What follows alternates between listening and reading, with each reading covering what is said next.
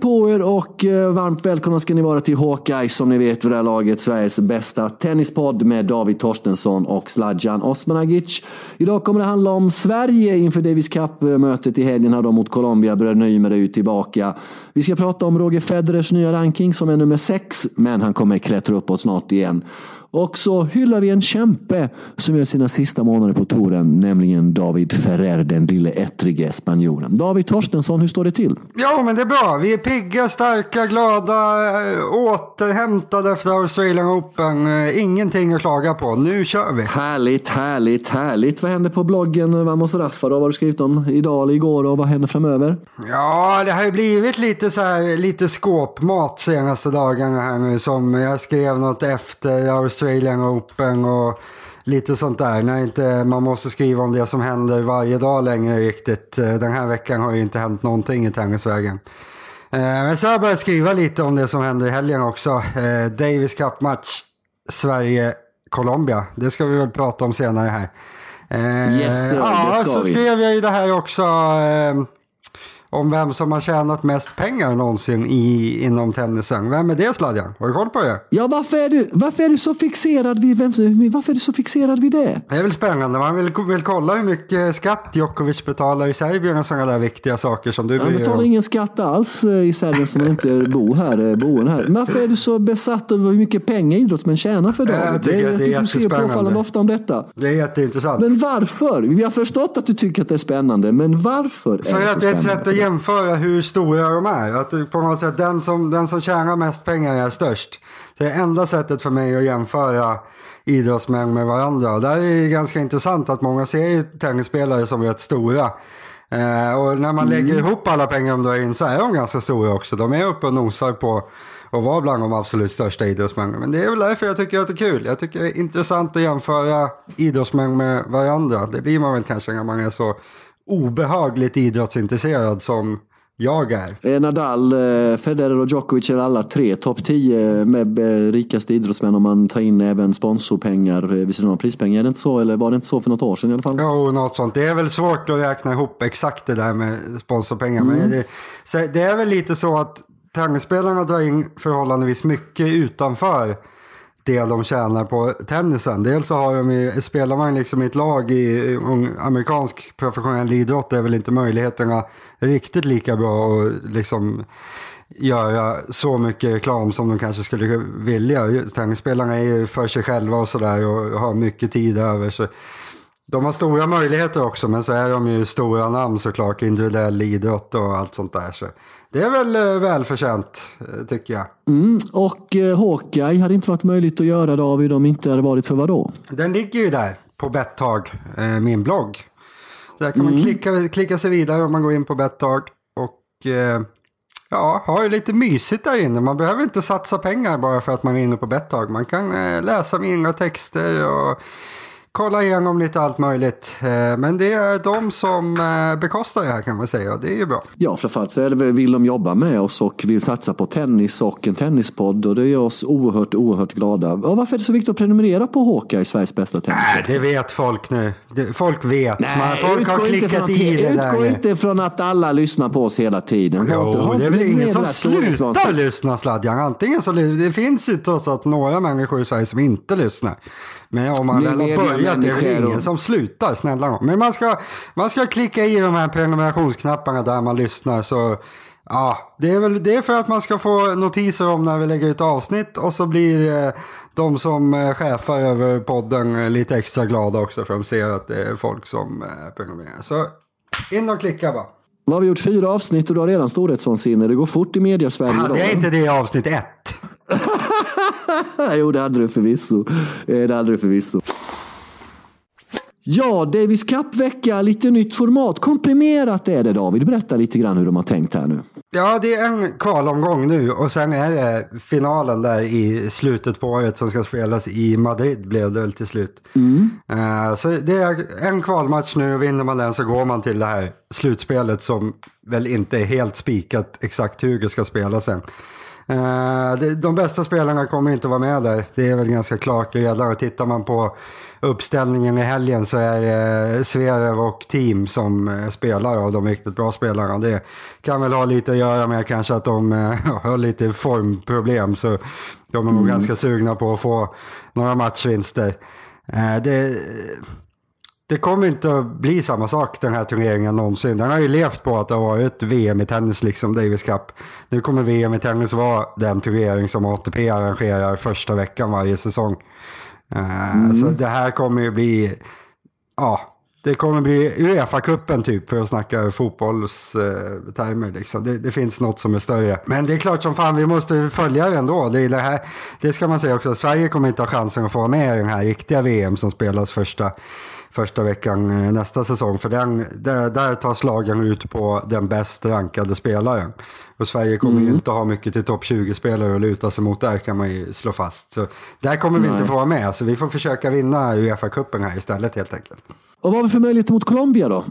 Ja, goda, mycket goda mm. möjligheter. Colombia, är, de har med sitt starkaste lag faktiskt, eh, Colombia. Eh, problemet är att de är jävligt eh, ostarka nu för tiden. De har ett bra dubbelpar. Mm. Cabal Farah som vann Australian Open förra året.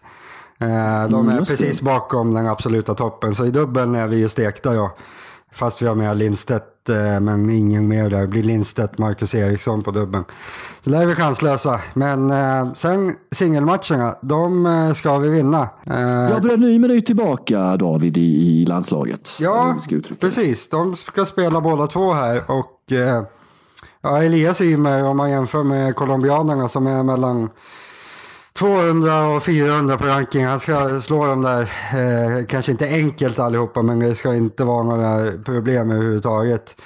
Och sen eh, Mikael Ymer har ju spelat, eh, det är väl första gången han verkligen har visat att han är en av de bästa på Källingetouren. Han vann en turnering här i början på säsongen precis, eh, topp 200 för första gången någonsin. Och han ska också vara klart bättre eh, än motståndaren. Han kanske är lite bättre än Elias just nu till och med.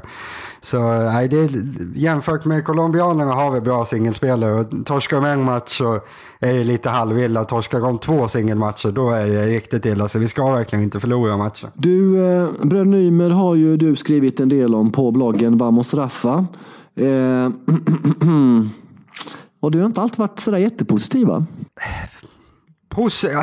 Jag har väl varit ärlig egentligen som jag är med allting. Jag skriver liksom som jag tycker och känner. Och det som har stuckit ut kanske lite det är att jag har väl alltid beskrivit det som att jag faktiskt inte hejar så mycket på dem som eh, jag skulle göra om det var svenska tennisspelare som jag kanske tyckte lite bättre om personlighetsmässigt. Eh, jag, jag, tycker inte att de alltid har uppfört sig särskilt bra på banan, eh, någon av dem. Och de har liksom inte lyckats, de har inte lyckats få mig att engagera mig i dem. Sen ser jag supergärna att de lyckas för svensk tennis skull, liksom, att det, folk blir lite mer intresserade. det är ju väldigt många som bara vill ha en svensk att heja på som skiter i om den svensken är liksom någon de tycker om eller inte. Så för de människorna är det jättebra, då blir det mer intresse och då blir jag glad. Men jag är lite sådär att jag, jag hejar ju inte på alla eh, idrottsmän automatiskt. Liksom. När jag sitter och tittar på damskidåkning så hejar jag supermycket på Ebba Andersson men jag hejar nästan inte alls på Charlotte Kalla för jag tycker Charlotte Kalla bara är grinig och bitter medan den här Ebba verkar supertrevlig. Så jag är lite sådär, jag väljer liksom de idrottsmännen jag gillar snarare än vad eh, automatiskt älskar alla för att de kommer från Sverige. Eh, så det är väl lite så. Jag, eh, jag kanske har varit lite negativ och hård, men det, jag tror att de har förtjänat det, för de har inte... De blir kanske vuxna också någon gång, men de har väl inte alltid uppfört sig så här eh, ultimat eh, runt händelsen. Och hur uppför man sig när man uppför sig ultimat enligt David Torstensson? Ja, man, man, man ska väl säga kanske vad man inte ska göra. Det är en ganska dålig grej. Det är att börja se på sig själv som någon slags superstjärna när man inte är någonting överhuvudtaget. Eh, de har ju varit ganska bra som juniorer och, och sådär liksom. Men innan man är en etablerad spelare på ATP-touren så är man ju ingenting i tennis. Då är man ju liksom Ja, då är man en division 1-spelare i hockey typ. Så länge man inte är på ATP-touren, då är man en stjärna på något sätt. Sen är man topp 50, då är man lite större och så är man ännu bättre än så, då börjar man bli stor. Men de har liksom alltid allt de har utstrålat har alltid utstrålat att de redan tycker att de är stjärnor. Och det blir ju ganska löjligt när man åker runt och spelar liksom bakgårdsturneringar i Uzbekistan typ. Det, det har inte riktigt gift sig det där hur de har försökt framställa sig och vad de har Juck på banan. Eh, sen jag har aldrig haft någon kontakt med dem överhuvudtaget själv. De har nog varit ganska griniga på det jag har skrivit båda två kan jag tro. Det spelar inte mig någon roll överhuvudtaget för jag är inte journalist på det sättet att jag behöver prata med någon liksom. Men eh, ja, jag har hört vad andra, många, ovanligt många ska jag säga som håller på inom tennisen som inte har sagt bara positiva saker om dem. Och det är väl ganska ovanligt egentligen inom en sport som tennis där alla känner alla och alla är kompisar och sådär. Så nej, äh, de behöver bli lite vuxna tror jag. Då, vi, vi pratade om det, vi hade bra snack om det du och jag häromdagen. Att vi, eh, Många blir ändå vuxna till slut och det är väl det som kanske kan hända de här två också skulle jag tro. Du, eh, när man pratar om bröderna Ymer, om vi släpper dem som tennisspelare och deras potential så är det ofta då ihopbundet kopplat till tennisintresset i Sverige.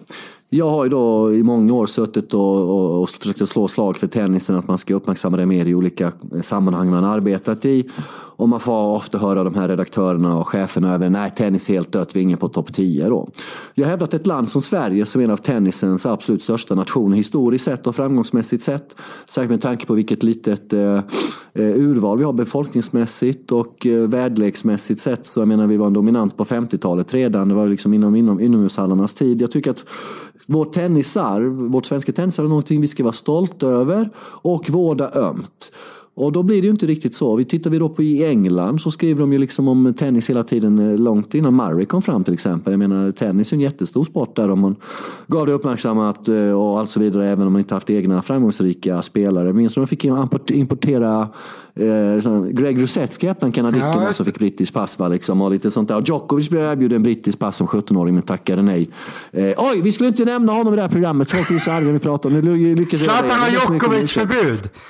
Håll dig nu Sladden. Nej, det tänker jag inte göra. Eh, eh, eh, det var inte min mening där. Eh, och, och, och, och eh, och jag håller inte riktigt med om det för att jag tycker, tittar man då i, i svenska storstäder hur pass uppbokade är tennishallarna och så vidare. Eh, folk på gatan pratar tennis. Jag gjorde en tennispodd på Expressen för några år sedan som hade helt sjuka, sjuka lyssningssiffror. Så det är någonting som jag värjer mig emot. Eh, jag hävdar att det finns visst ett stort tennisintresse i Sverige. Men hur, vad, vad är det som säger att det inte finns ett stort tennisintresse? Vad, vad är felet? Redaktörer och chefer på olika tidningar och tv-bolag säger att det inte finns det. För att de tror att folk Sverige, folk, vi svenskar är bara intresserade av en sport om vi har en duktig utövare i det. Men i och med att vi har så stark tennistradition och kultur och historia så hävdar jag att det är inte så i det här fallet. Nej, jag är, lite, jag är väldigt mycket sådär att jag, tidningarna får skriva om vad fan de vill. Jag är lite allergisk mot det där att man ska tycka att tidningarna gör fel. De väljer nog det som de tycker är bäst för sin sak. Sen håller jag med dig. Alltså jag, jag har ju uppfattningen om att Sverige är ett väldigt tennisintresserat land i mångt och mycket. Exakt. Men ändå så är det, jag, jag håller helt med dig i det här att det är väldigt mycket fokus på att vi behöver ha en svensk spelare. Och jag rycks nog också med lite grann i det. Och det stämmer inte riktigt heller. För när Söderling var som störst och var fyra, femma i, väg, i världen. Mm. Då var inte tennis så vansinnigt stort i Sverige heller. Utan jag tror att inte när det gäller skriftmässigt i tidningarna menar jag. Att då var det liksom, ja, han var halvstor sådär i tidningarna medan han i själva verket utan tvekan var näst största idrottsmannen vi hade då efter Zlatan. Men det jag tror att vi lider av på den fronten det är att generationen som minns när vi hade fem spelare på topp 10 hela tiden. De jämför med det. Och då, då får... Men jag gör ju inte det. Jag var ju med på den. Nej, men jag du är konstig Sladjan. Det är därför. Det, vi konstig? pratar om vanliga människor. Du är ingen vanlig människa. Vi pratar om den stora massan. Och då tycker inte de att det är värt att liksom göra några stora artiklar om tennis nu. Eller men göra något program om tennis eller vad som helst. Torstensson. Ja? Backa, stopp och belägg. Nu lyssnar du noga på mig. Vi har alltså de tre mest framgångsrika spelarna i herrtennisens historia när det kommer till framgångar aktiva tillsammans just nu. Vi har på damsidan en dominant som snart kommer slå rekordet i antal vunna Grand Slam-turneringar eh, eh, på damsidan. Är svensken så inåtvänd och dum menar du då att han eller hon inte är intresserad av tennis bara för att ingen av de här fyra personerna råkar vara svensk? Det vägrar jag tro på. Jag vägrar tro på det. Det handlar om bekväma redaktörer på olika tidningar och tv-stationer som inte orkar tänka längre än vad näsan räcker. Men varför? Då får du berätta varför. Varför är de be vadå bekväma? De gör väl det de tycker. De, de försöker väl inte straffa tennisen för att vi är elaka, eller? Men du kan bevisligen inte säga att tennisintresset i Sverige inte finns när det finns enligt mätbara metoder och att du har en era då med de tre mest framgångsrika på herrsidan genom tiden spelar samtidigt och den mest framgångsrika på damsidan håller på just nu också. Jag får inte ihop de bitarna. Nej. Jag får inte ihop de bitarna. Nej, jag, håller, jag, jag, jag förstår och jag vill träffa den redaktör som kan förklara detta för mig. För jag har fortfarande inte träffat honom eller henne. Och jag har varit otaliga Alla redaktörer tycker säkert säga. illa om dig Sladjan. De vill inte prata med Bekväma. dig längre. Så du kommer inte få något svar. Bekväma. Och de har försökt att svara men de kan inte. De, kan inte, de, de har inte svaren. Uh, ja, nog om detta. Det blir jättebra stämning här nu Torstensson. Verkligen jättebra stämning blev det. Faktiskt. Jättemysigt, jättemysigt. Stämningen är på topp. Bra Sladjan, jag älskar när du får upp lite puls. Yes sir, då är vi tillbaka här då i uh, Hawkeye, Sveriges bästa tennispodd. Och vi ska prata om den gudomlige. Och vem tänker jag på då, herr Torstensson? Jag tror att du menar Federer. Du, du har ju, jag ska inte säga ett Djokovic-förbud, men snudd på ett Djokovic-förbud i det här avsnittet. För vi, vi pratar kanske lite mycket om Djokovic ibland, men det här, du, du skulle nästan ha en, en nyans av Federer-förbud också. För du, du, är lite arg på Federer, det är ju. Nej, jag är inte alls arg på Federer. Och eh, det är ju jävligt konstigt att vi pratar om den tennisspelaren som har vunnit de tre senaste Grand Slam-turneringarna. Det är ju oerhört konstigt att ja. vi pratar om en tennisspelare som i somras i juni efter Roland Garros låg 22-23 på rankingen för att några månader senare ligga etta på ranken slutåret som världsetta. Det är ju jättekonstigt. Nej, nej, nej, nej, det är inte. Det är ju jättekonstigt att prata om historiens tredje mest framgångsrikaste tennisspelare genom tiderna som råkar ha vunnit de tre senaste Grand Slams. Så, så, så, så, Nu var det Federer. Lägg in Federer-snacket. Just det, den gudomlige. Den gudomlige då eh, eh, har ju då dalat ner till rankingen till sjätte plats. Och tittar vi då lite grann på hur det ser ut framöver så kommer Roger spela Dubai i slutet på februari. Och den veckan spelade han inte förra året. Så vinner han den så är det ju 500 poäng att ta in där. Va? Mm. Är du med mig? Mm. Och han spel, Indian Wells kommer han spela. Han en finalplats och försvara från i fjol när han torskade mot El Potro. Så där försvarar han 600 poäng. Däremot åkte han ju väldigt tidigt i Miami efter Indian Wells. Han åkte väl i andra rundan, första rundan för honom som sidad. Eh, så där finns det mycket poäng att hämta om han skulle gå långt. Så man ser då till de 600 poängen han försvarar Indian, Indian Wells kan han ju liksom Plussa på eh, totalt sett med eh, Dubai och eh, Miami. Vad är din känsla? Dala eller klättra? Det ser väl rätt positivt ut. Kortsiktigt ser det ju faktiskt väldigt positivt ut som du är inne på här. Han, hans räddning lite grann rankingmässigt är ju nu att ja, dels så Del Potro är ju väldigt tveksam fysiskt. Han är ju inte tillbaka från sin skada. Andersson, jag menar Federer kontra Andersson. Om Federer spelar, det är svårt att se att han inte ska ta mer poäng än Andersson hela tiden. Och då bakom finns det ingenting riktigt. Så han, han räddar sig lite av att just när det gäller fjärdeplatsen så är nivån gällande poäng ganska låg. Han behöver inte göra så mycket. Så eh, det ser ganska bra ut ändå för Federer tycker jag. Han kommer ju bli semisidad i, förmodligen i Franska öppna, men definitivt i Wimbledon där man räknar gräspoäng från de två senaste åren också, där han har vinsten från för två år sedan kvar där. Så det ser inte alltså, så dåligt ut som man kan tro med plats 6 skulle jag säga. Även om han skulle vara rankad nummer 12 eh, så kommer han bli toppsida bland de fyra i Wimbledon. Det är, där, jo, det, är, det är inget subjektivt, det är poängsladjan, gräspoäng. Nu tar vi det lugnt. Och vad var, eh, ursäkta men eh, spelaren vi får inte nämna, han då, en som har försvarat de fyra Grand slam samtidigt på tre olika underlag då, han vars namn inte får nämna. Han låg väl 22 i, i, på rankingen inför Wimbledon och, och sidade som 12, nummer 12 va? i fjol när han mm. vann, var det inte så? Ja 10 placeringar plus. Ja, nej, så jag tror att med Federer skulle nog Wimbledon lösa något liknande. Men du, återigen, han kommer spela Roland Garros som du säger. Han kommer förmodligen göra en, kanske två, eller det blir, blir det bara en turnering inför Roland Garros så blir det Rom då i sådana fall. Man kan väl gissa va? Man kan väl gissa att han eh, kommer spela Madrid. Det är väl det. Om man tittar på programmet så är det väldigt troligt att Monte Carlo ligger lite för snabbt efter. Om man spelar både Indian Wells och Miami. Han brukar ju kanske kunna tänka sig hoppa över den ena och då förmodligen Miami. Så eh, han spelar nog två av de tre kan man säga. Indian Wells, Miami och Monte Carlo. Förmodligen hoppar han Monte Carlo. Eh, och sen blir jag jag har svårt att säga att han spelar både Madrid och Rom. Så det blir väl Madrid och Franska öppna eh, förmodligen. Och det blir väl spännande. Det ska väl bli kul att se honom på grusen då, Sladden. Det, man, det man ska komma ihåg är att innan han slutade spela på grus, då började han lite grann hitta ett spel på grus som var ganska vettigt. Så man ska inte eh, räkna bort honom som en totalt värdelös grusspelare. Det är han inte. Han har ju vunnit Franska öppna till exempel. Han har ju slagit Nadal på grus när Nadal har varit bra och allt sånt där. Så man ska, det, det är jättekul att Federer spelar Franska öppna tycker jag. Och man ska inte helt sortera bort honom från att kunna slå en av de eh, ja, bästa som man, eh, Djokovic och Nadal. Han är farlig där tror jag. Eh, Men påminn mig här nu David, om då eh, spelaren som inte får nämna idag skulle vinna Roland Garros och återigen försvara alla fyra Grand Slam-titlar. Samtidigt påminn mig då om att ifall jag glömmer det, att vi idag när vi spelar in en podd efter att vi bara ska prata om Federers gudomligt vackra enfattande backhand. Ja, att inte precis. nämna han, ja, så, att, så, att, så att saker och ting... Så att det flyter som det ska så att säga. Så att du ja, sköter det. Det är konstigt sådär. Men tycker du att, eh, för vad jag menar på Federer, största respekten för honom och hur han spelar allt det här. Men ibland får jag känslan att folk förväxlar tennis med konståkning när de pratar om honom.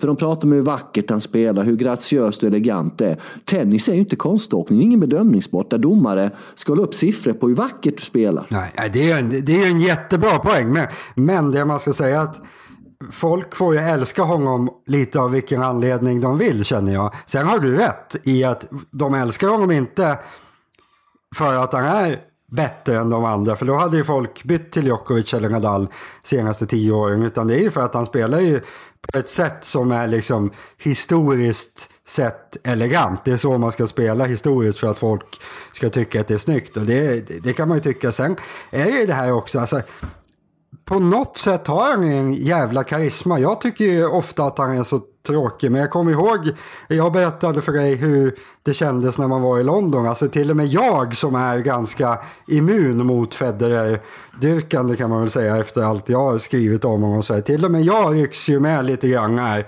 han kommer in jämfört med när Djokovic kommer in. Så jag tycker absolut, jag tycker det är helt okej att att folk älskar honom för det. Sen som du säger, man kanske inte ska blanda ihop så mycket det med hur bra han är. Att man, bara för att man tycker att han spelar snyggast och är mest underbar, underbar och allt sånt där så behöver man inte blanda ihop det med att dra det till att han ska vara bäst eh, någonsin också. Det, det skriver jag ju om typ varje vecka så den harangen behöver jag inte dra här. Men bra jämförelse med konståkningen, eh, Sladjan. Hade vi haft poäng, då hade Federer förmodligen oftast vunnit. Du, eh, jag spelar snyggare tennis på Wii än vad Federer gör i verkligheten. Vill jag bara tillägga. Så får, du, får vi se det framöver. Du, men du har själv berört det när du skriver då att äh, han som är världsetta nu är den bästa, mest kompletta tennisspelaren genom tiden. Och Då blir ju Rogers fans väldigt arga på det och du får väldigt mycket arga, arg kommunikation. Men det är liksom ingen direkta, vad är det för argumentation förutom att de blir arga? Det är mer det här hålla för öronen argumentationen som jag har lite svårt att, respektera. Liksom. Eh, Och min känsla är ju så även om då, jag tror det är ganska osannolikt, men säg att Djokovic skulle komma upp till 21 Grand Slam-titlar och, och, och Roger den gudomlige inte vinner fler. Då kommer ju ändå de säga att Roger är den bästa någonsin. Fast att Djokovic har en Grand Slam-titel mer. Det är Ja, det, är, det är sluta. det jag tycker skulle vara så spännande. För då, alltså, man har ju egentligen, om man ska vara helt ärlig, så har man ju bara rekorden och då främst Grand Slam-rekordet som argument för att han ska vara bäst någonsin. Störst någonsin, det är två olika ord, störst och bäst. Störst någonsin är han ju så länge han har vunnit mest. Då är han ju största tennisspelaren någonsin.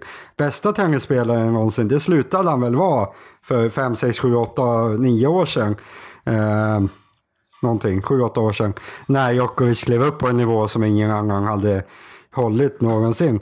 Eh, så det, alltså, att han ska anses som bästa tennisspelare någonsin, det bygger ju till 100% på att ingen kör om honom på det här rekordet. För just när man, när man tittar på de inbördes mötena mellan de här tre och eh, tittar på hur mycket de har vunnit under den tiden då Nadal och Djokovic har varit med, då är det ju väldigt tydligt att han är kanske snarare tredje bäst någonsin. Eh, om man tappar rekordet då finns det inte riktigt något att backa upp det med. Eh, men vi får väl se. Djokovic har ju några. Han behöver väl ha tre, tre bra säsonger till här för att köra om. Och jag tror att det blir väldigt ja, tuff uppgift att komma ikapp Roger. Men ja, det ska bli intressant att se om man gör tror det. Tror det? Ja, jag tror det. Och uh, argumentationen uh, är som det Vi får ta en säsong i taget. Som det heter. Du vet i Värnamo där jag kommer ifrån i Småland, uppvuxen väldigt präglad av Värnamo. Brukar vi säga så här, liksom, eh, när liksom, ja, ibland händer kanske att folk fjäskar för någon och överdrev hit och dit och blaha bla liksom. Och, eh, då brukar man fråga, tror du att hans bajs också luktar skit eller tror du att hans bajs luktar parfym? Och den känslan får man lite med Federers fans ibland när de pratar om honom. Det är som att han är ett högre gudomligt väsen. Liksom att, eh, jag vet inte, jag tycker man inte bedömer honom som tennisspelare utan man läser in så mycket i ens personlighet och lägger till så mycket extra moment så att det blir nästan löjeväckande till slut. Liksom. Skicka alltid hat mot Sladjan. Notera, jag har inte gjort någonting. Jag har sagt att Federer är ganska bra. Så det är Sladjans mejladress som gäller. Om ni skriver kommentarer, tagga Sladjan i eh, de här hatkommentarerna rörande Federer. Jag är inte med på det. där. Och sen har vi det här klippet som du och jag ständigt diskuterar som inte jag lyckats få fram ännu som vi kanske kommer återkomma till någon gång i framtiden. Men vi vet ju inte om någon som lyssnar kanske. Minns ni eh, Wimbledonfinalen 2009? Andy Roddick vs Roger Federer.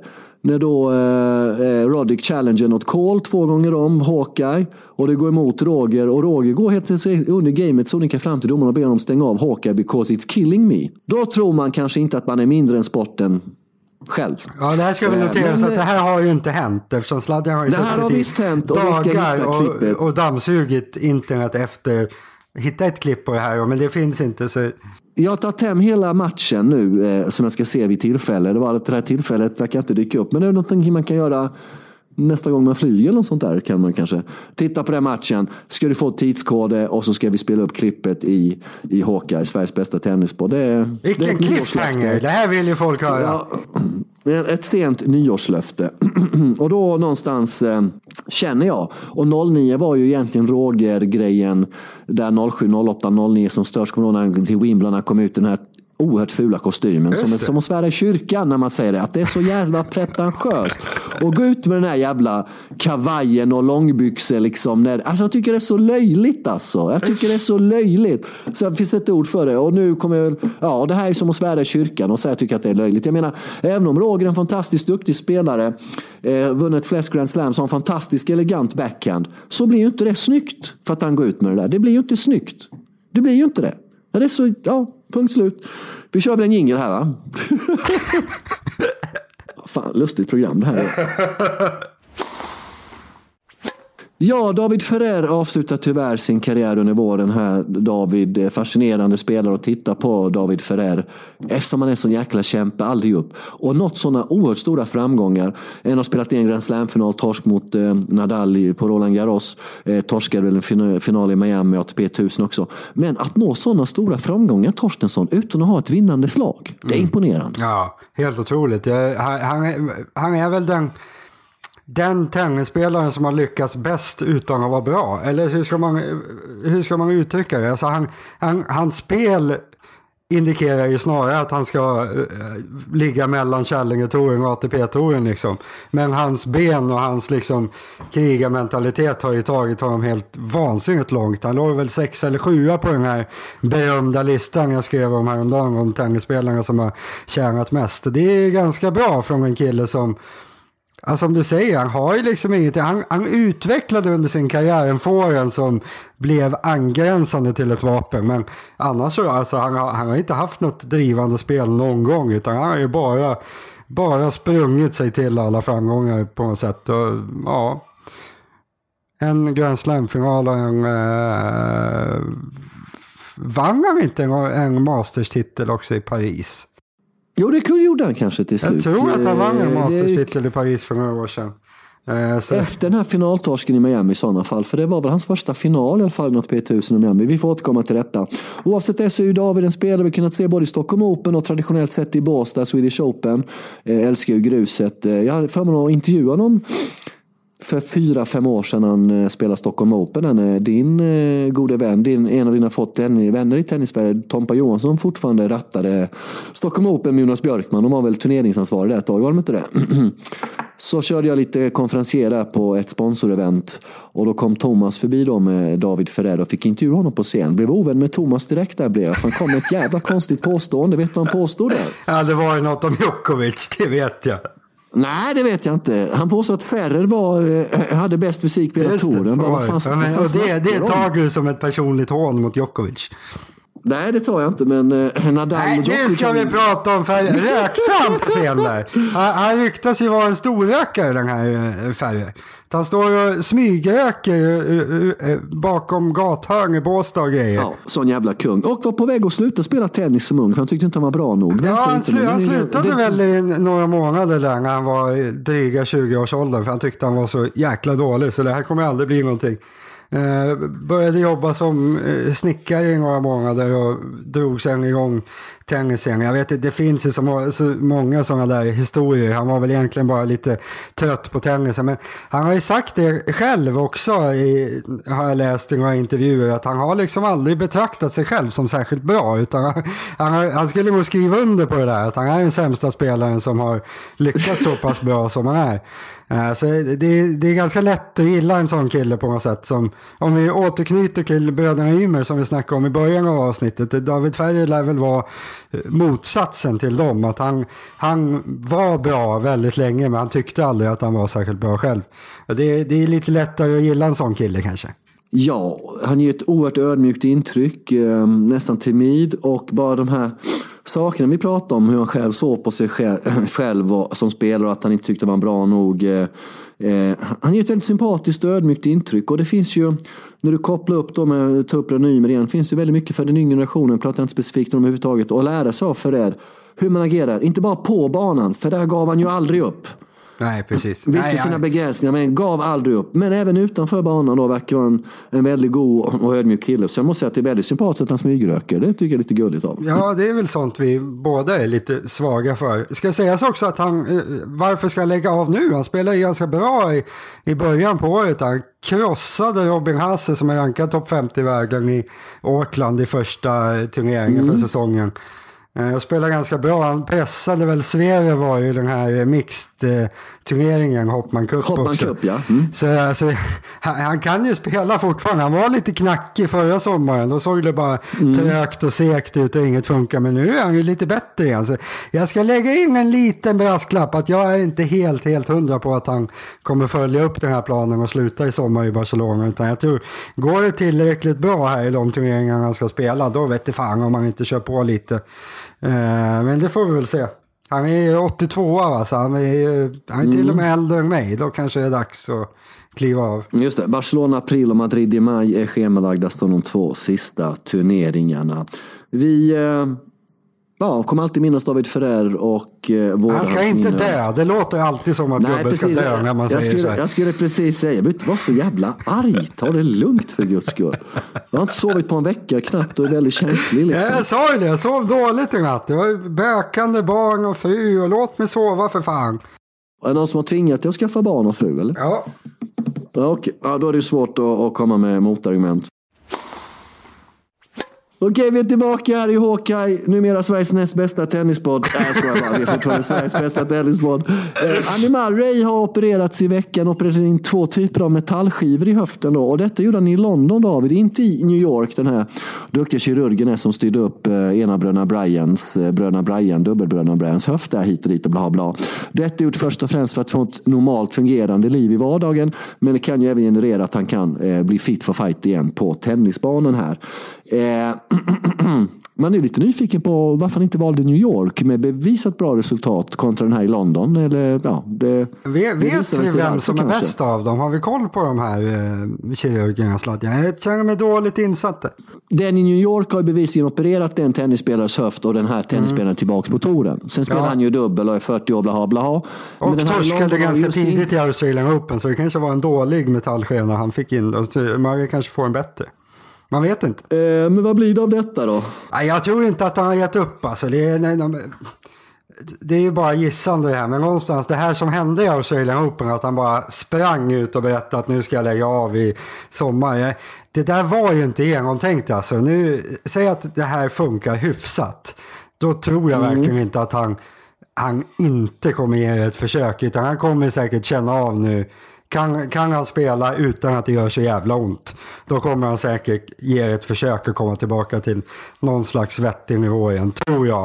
Eh, sen är frågan, vill vi ha tillbaka Murray i ett halvbra skick sladdar? Eller vore det bättre om han bara klev av nu innan han skaffar sig massa reservdelar i kroppen och grejer. Det finns ju två, två, två aspekter på det där. Eh, på ett sätt, nej självklart vill jag bara ha med honom eh, som riktig Andy Murray som utmanar de största, absolut, av de största titlarna.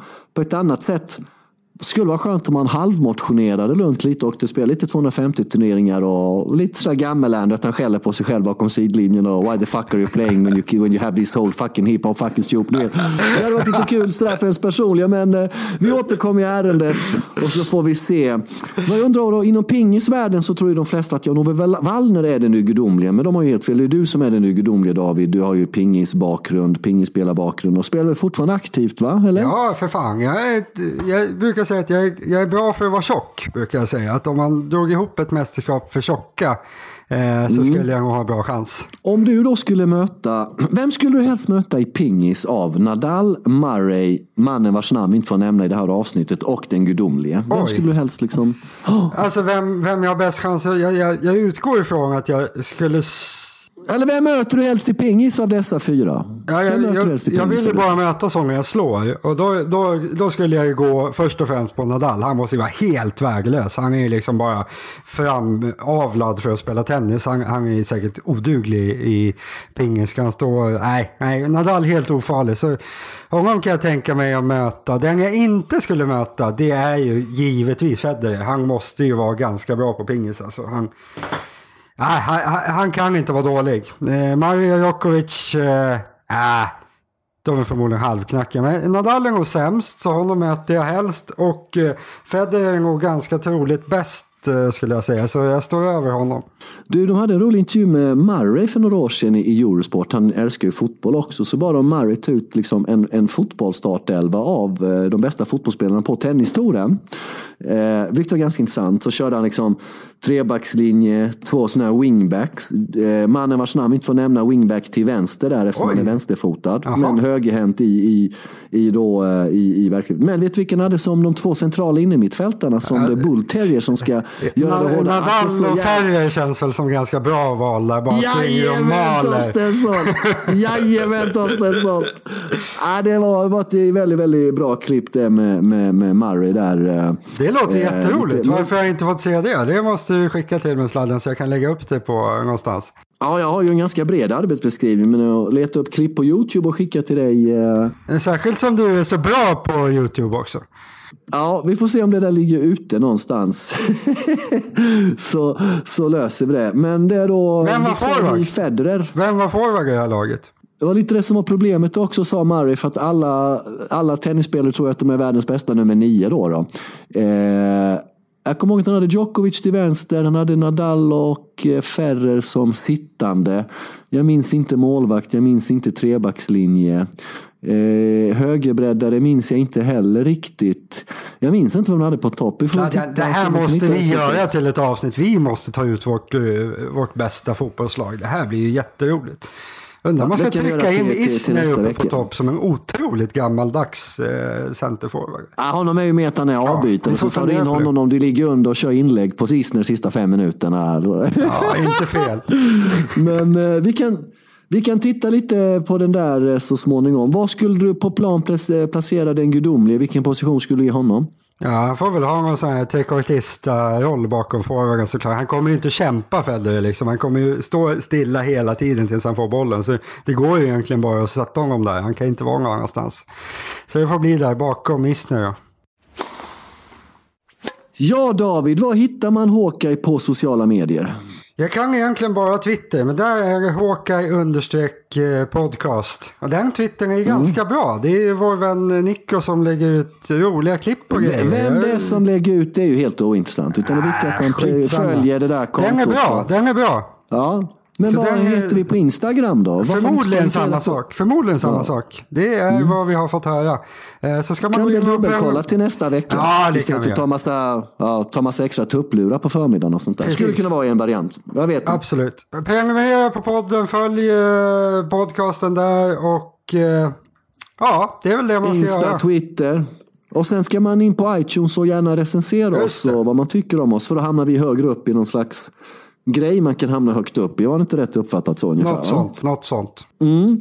Och du och jag har ju då pratat med varandra i två års tid om att göra en podcast om tennis. Och vilka är det som gett oss möjligheten att till slut få göra den då? Det har vi sagt redan, men det är våra vänner på Betthag. Så in där och eh, framförallt eh, kolla in min tennisblogg där om ni inte har gjort. Ja, där du skriver mycket elakheter om olika väldigt trevliga och sympatiska personer, stackars och människor. Och mycket snällheter också. Ja, det är klart att du gör. Och vad blir det närmsta dagarna? Blir det snällt eller elakt och mycket fokus på det? Kommer du se Davis Cup exempelvis? Ja, men det kommer jag göra. Jag, jag, jag gör ju alltid så att jag, jag bygger ju alltid upp lite grann för möjligheten att såga någonting. Att nu har jag ju sagt att de kommer ju garanterat vinna i Sverige. Så om de floppar då blir det såklart motorsågen hela helgen. Mm. Eh, så vi får se hur det går. Men det blir väl en del. Det, börjar, det är fredag, lördag är Sverige-Colombia. Så det ska vi väl kolla på och eh, skriva lite om till att börja med i alla fall. Super Bowl, är det någonting du kollar på? Om jag orkar. Jag ska iväg och spela mm. pingis i helgen Sladjan. Så jag kommer säkert vara lite uh, smygtrött. Men uh, jag vill helst inte missa Super Bowl. Sen kanske du vinner någon match och adrenalin uppe i varv och du kommer hem helt perfekt där till, till, till Super Bowl. Ja, ja det är också ett inte. alternativ. Nej, det blir kul. Jag tror att uh, Brady vinner för miljonte gången. Det gör väl alla i och för sig. Han är, på nä han är nästan till gudomlig hävdar jag om han lyckas. Ja, han är nog fan gudomlig. Det skulle jag säga. Ja.